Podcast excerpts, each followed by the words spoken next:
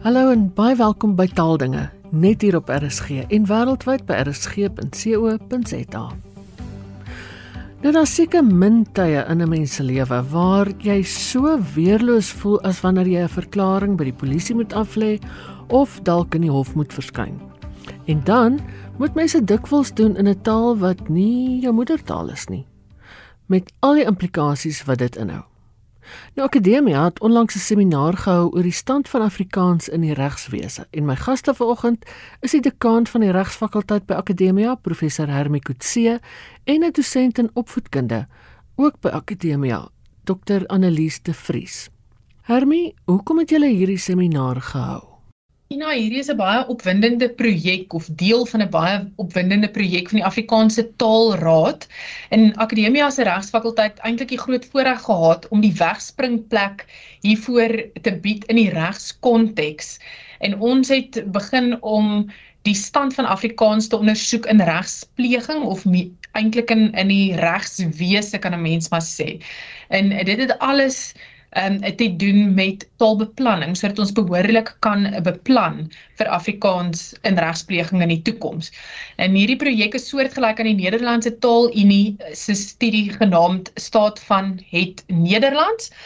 So dit was ons voorreg om op 16 November hierdie gesprek aan die gang te sit dit is gelyklopend met ander projekte byvoorbeeld 'n ondersoek wat tans gedoen word om die stand van Afrikaans as geloofstaal en ook natuurlik in onderwys.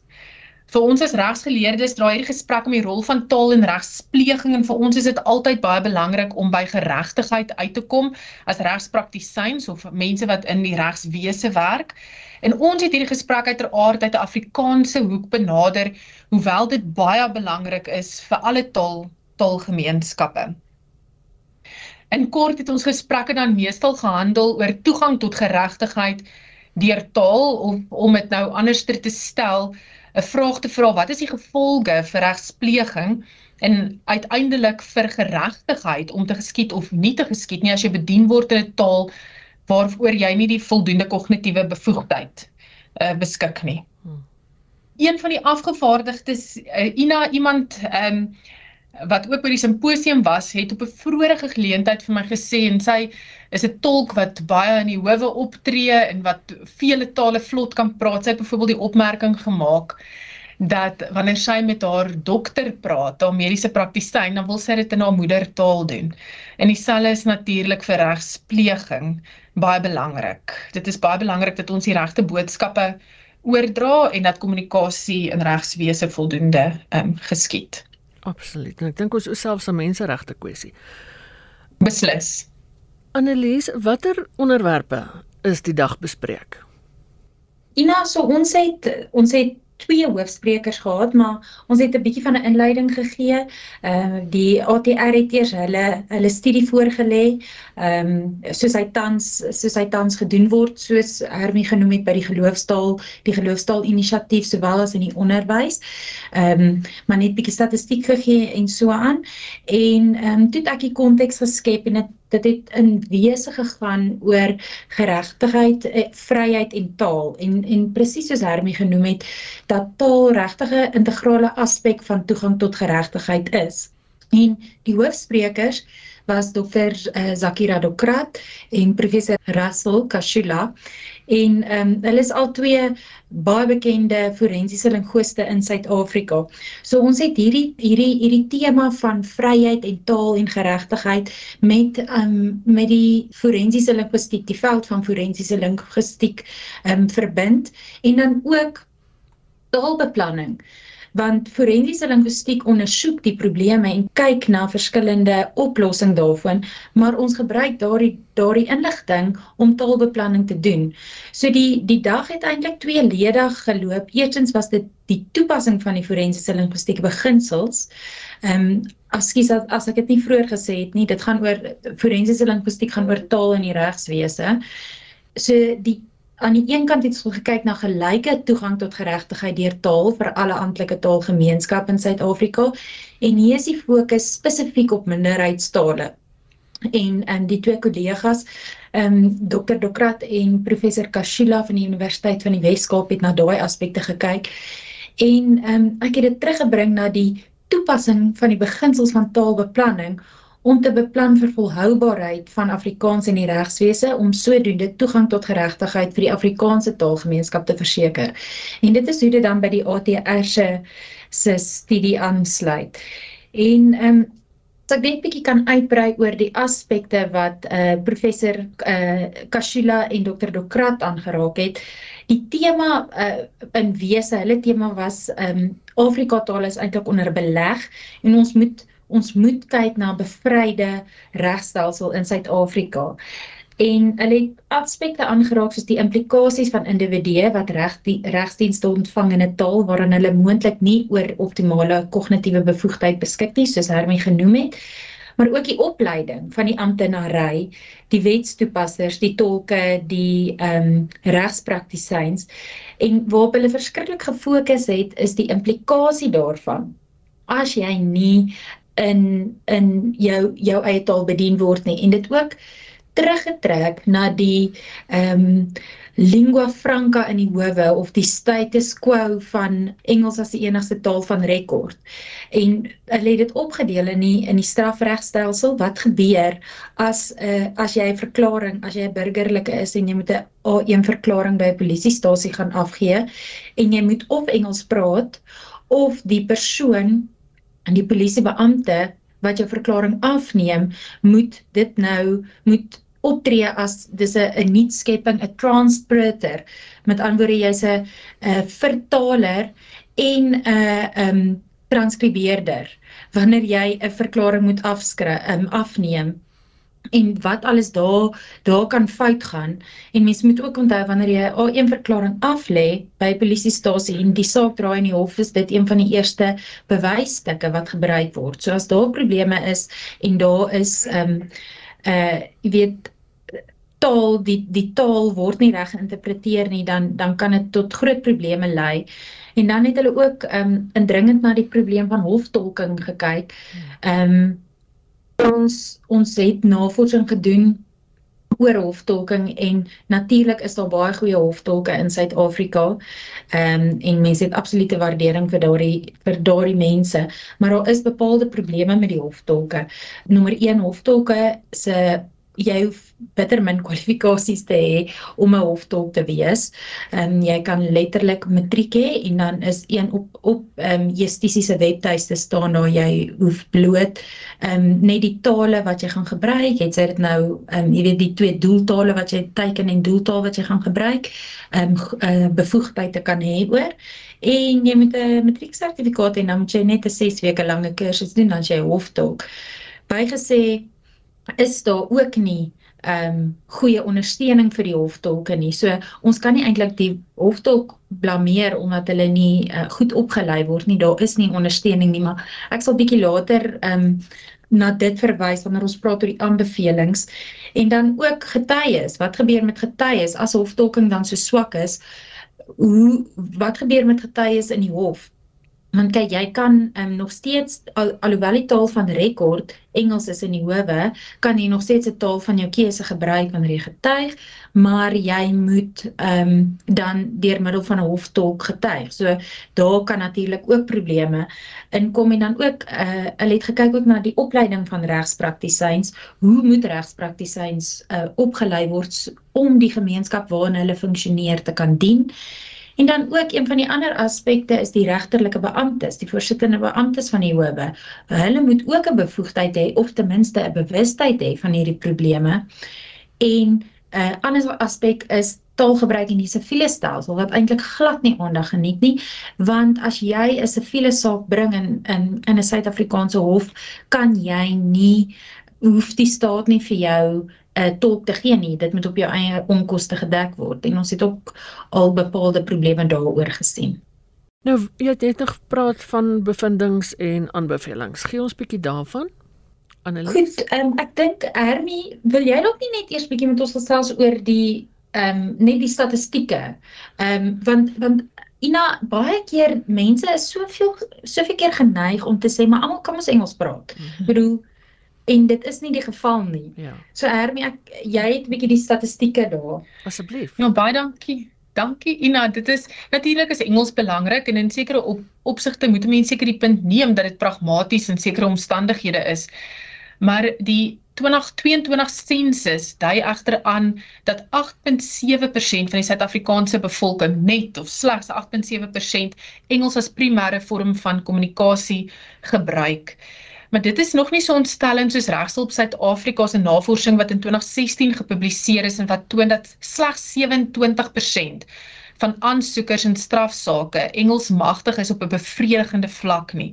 En dan ook 54% van die aansoekers in strafsaake het aangedui dat hulle min of geen kennis van Engels as kommunikasie medium het nie. En dis nie teenstaande natuurlik is Engels die taal waarin ons howe hoofsaaklik funksioneer. So dit dan nou net uh, nog verder teragter.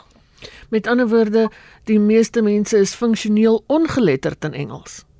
Net so, net so Ina en ons het vroeër ook verwys, jy weet as mens met jou dokter ja. uh, wil gesels, ek dink die regsberoep of wanneer jy met regspleging te doen het, is eintlik 'n baie spanningsvolle tyd in jou lewe of dit in 'n siviele aangeleentheid of 'n straf aangeleentheid is. Ja. En om te dink dat jy dan jou baie moeilik in Engels kan uitdruk of die verrigtinge verstaan lei natuurlik ehm um, tot sekere negatiewe gevolge en ons bekommernis is maar net altyd regspleging. Hmm en dat daar nie geregtigheid geskied as ons nie mooi kyk hoe hierdie bestuur word nie. Dis daar waar die taalbeplanning so belangrik is en en vir ons as regsgeleerdes inkom. Hmm. Annelies, die ehm um, bevindinge Ja, so ehm um, die bevindinge vanuit navorsing wat ons nou al gedoen het, ehm um, is eintlik meer aanbevelings. Ons weet ons die die bevindinge uit al die studies is weet ons ehm um, eentaligheid in 'n meertalige land soos Suid-Afrika is 'n groot probleem wanneer ons praat van toegang tot geregtigheid en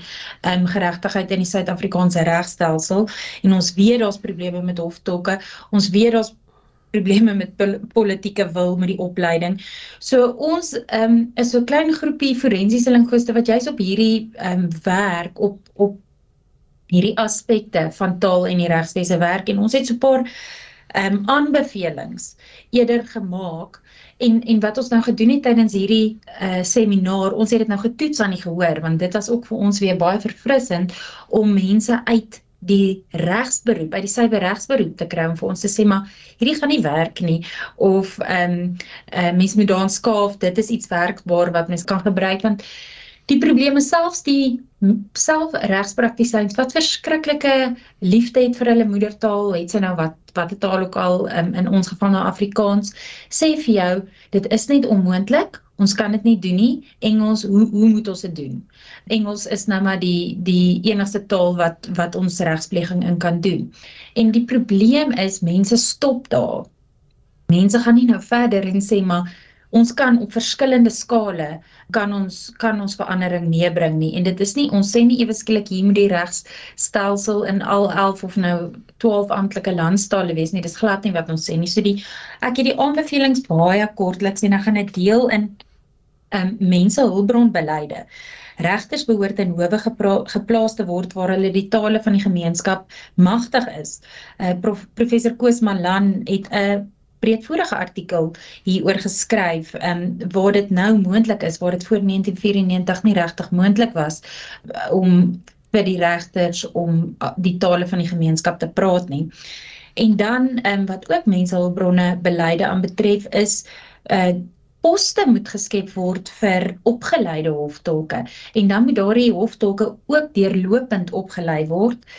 Ehm um, as ons gaan kyk na taaltegnologie Daar is moontlikhede wat tans ondersoek word of ons is eintlik in 'n gevorderde fase van ondersoek um, vir die opstel van 'n spraak na teksmodel vir slegs missiekritieke dele van 'n hofsaak um, en die aflê van verklaringe. Ons as mens nou 'n bietjie van taaltegnologie weet, sal jy nie sal jy weet jy kan nie net ehm um, vrylike vertalings hier hier praat iemand en dan word dit direk vertaal deur 'n foon of 'n toepassing nie.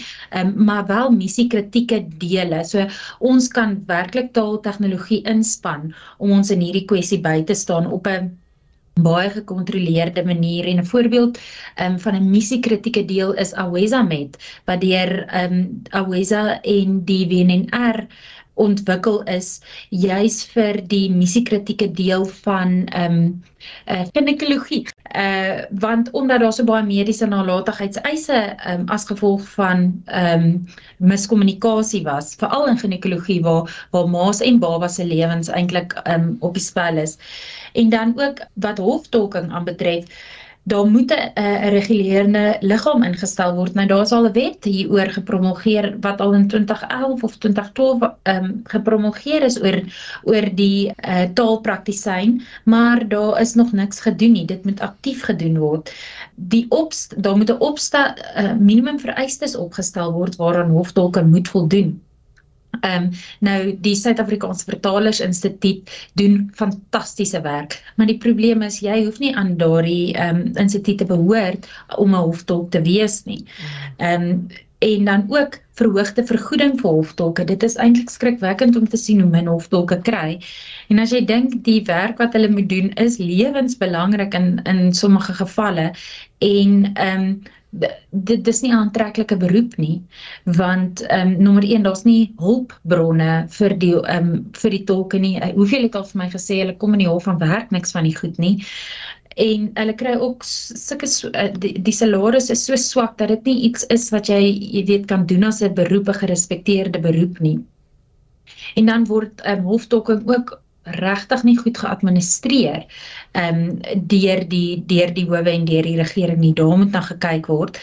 En dan natuurlik moet hoftolke in siviele sake ook verskaf word. Ons kan nie net hoftolke in strafregtelike sake die of die staat kan nie net hoftolke in strafregtelike sake verskaf nie.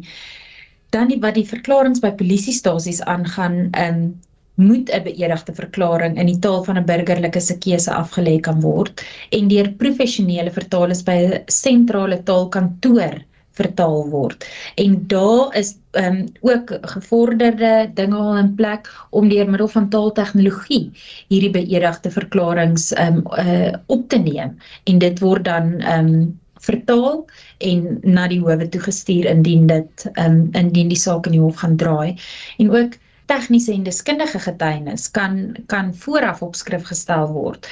Uh en dan kan dit vertaal word in die taal van die hof voordat hofverrigtinge aanvang neem. En laasens ook die opleiding van regspraktisyns en ek dink Hermie gaan nou 'n uh, bietjie gaan 'n bietjie meer daaroor kan uitbrei.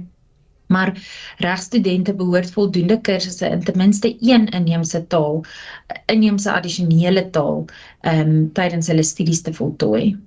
Ja, hoe dikwels sien hoor 'n mens nie 'n saak is uitgestel omdat dan nie 'n tolk beskikbaar was nie. Presies. Ja. Absoluut.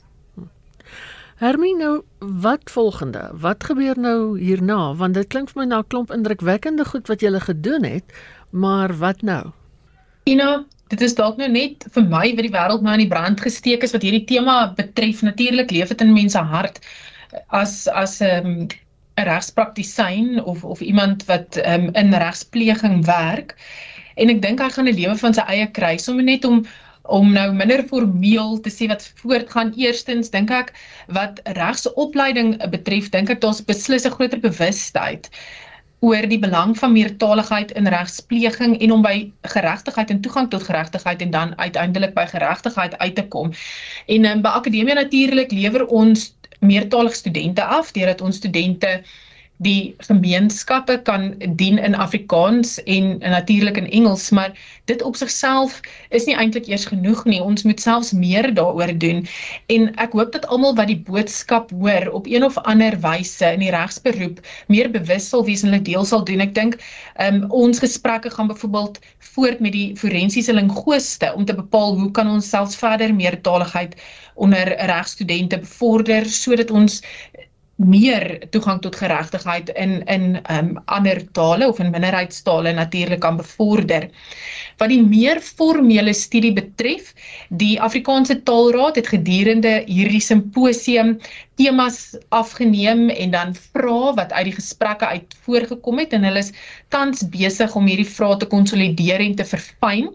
Dit sal uiteraard uitgestuur word dan en vorm dan soos wat ek gesê deel van die groter studie en ons almal sien reikhalsend uit na die bevindinge hiervan weer eens vir beplanning en om te kyk hoe kan ons almal ons deel doen om uiteindelik toe te sien dat geregtigheid geskied, ook wat wat hierdie bepaalde tema betref. Dit was die dekaan van Akademia se Regsfakulteit, professor Hermie Kutse, en 'n dosent in opvoedkunde by Akademia, Dr. Annelies de Vries. Jy kan weer na die program luister deur die potgooi af te laai by rsg.co.za. En ek hoor graag van jou. My e-posadres is ina@rsg.co.za. Dis dan al vir vandag. Geniet die res van die Sondag in RSG se geselskap. Bly veilig, bly gesond en van my Ina Strydom groete tot 'n volgende keer.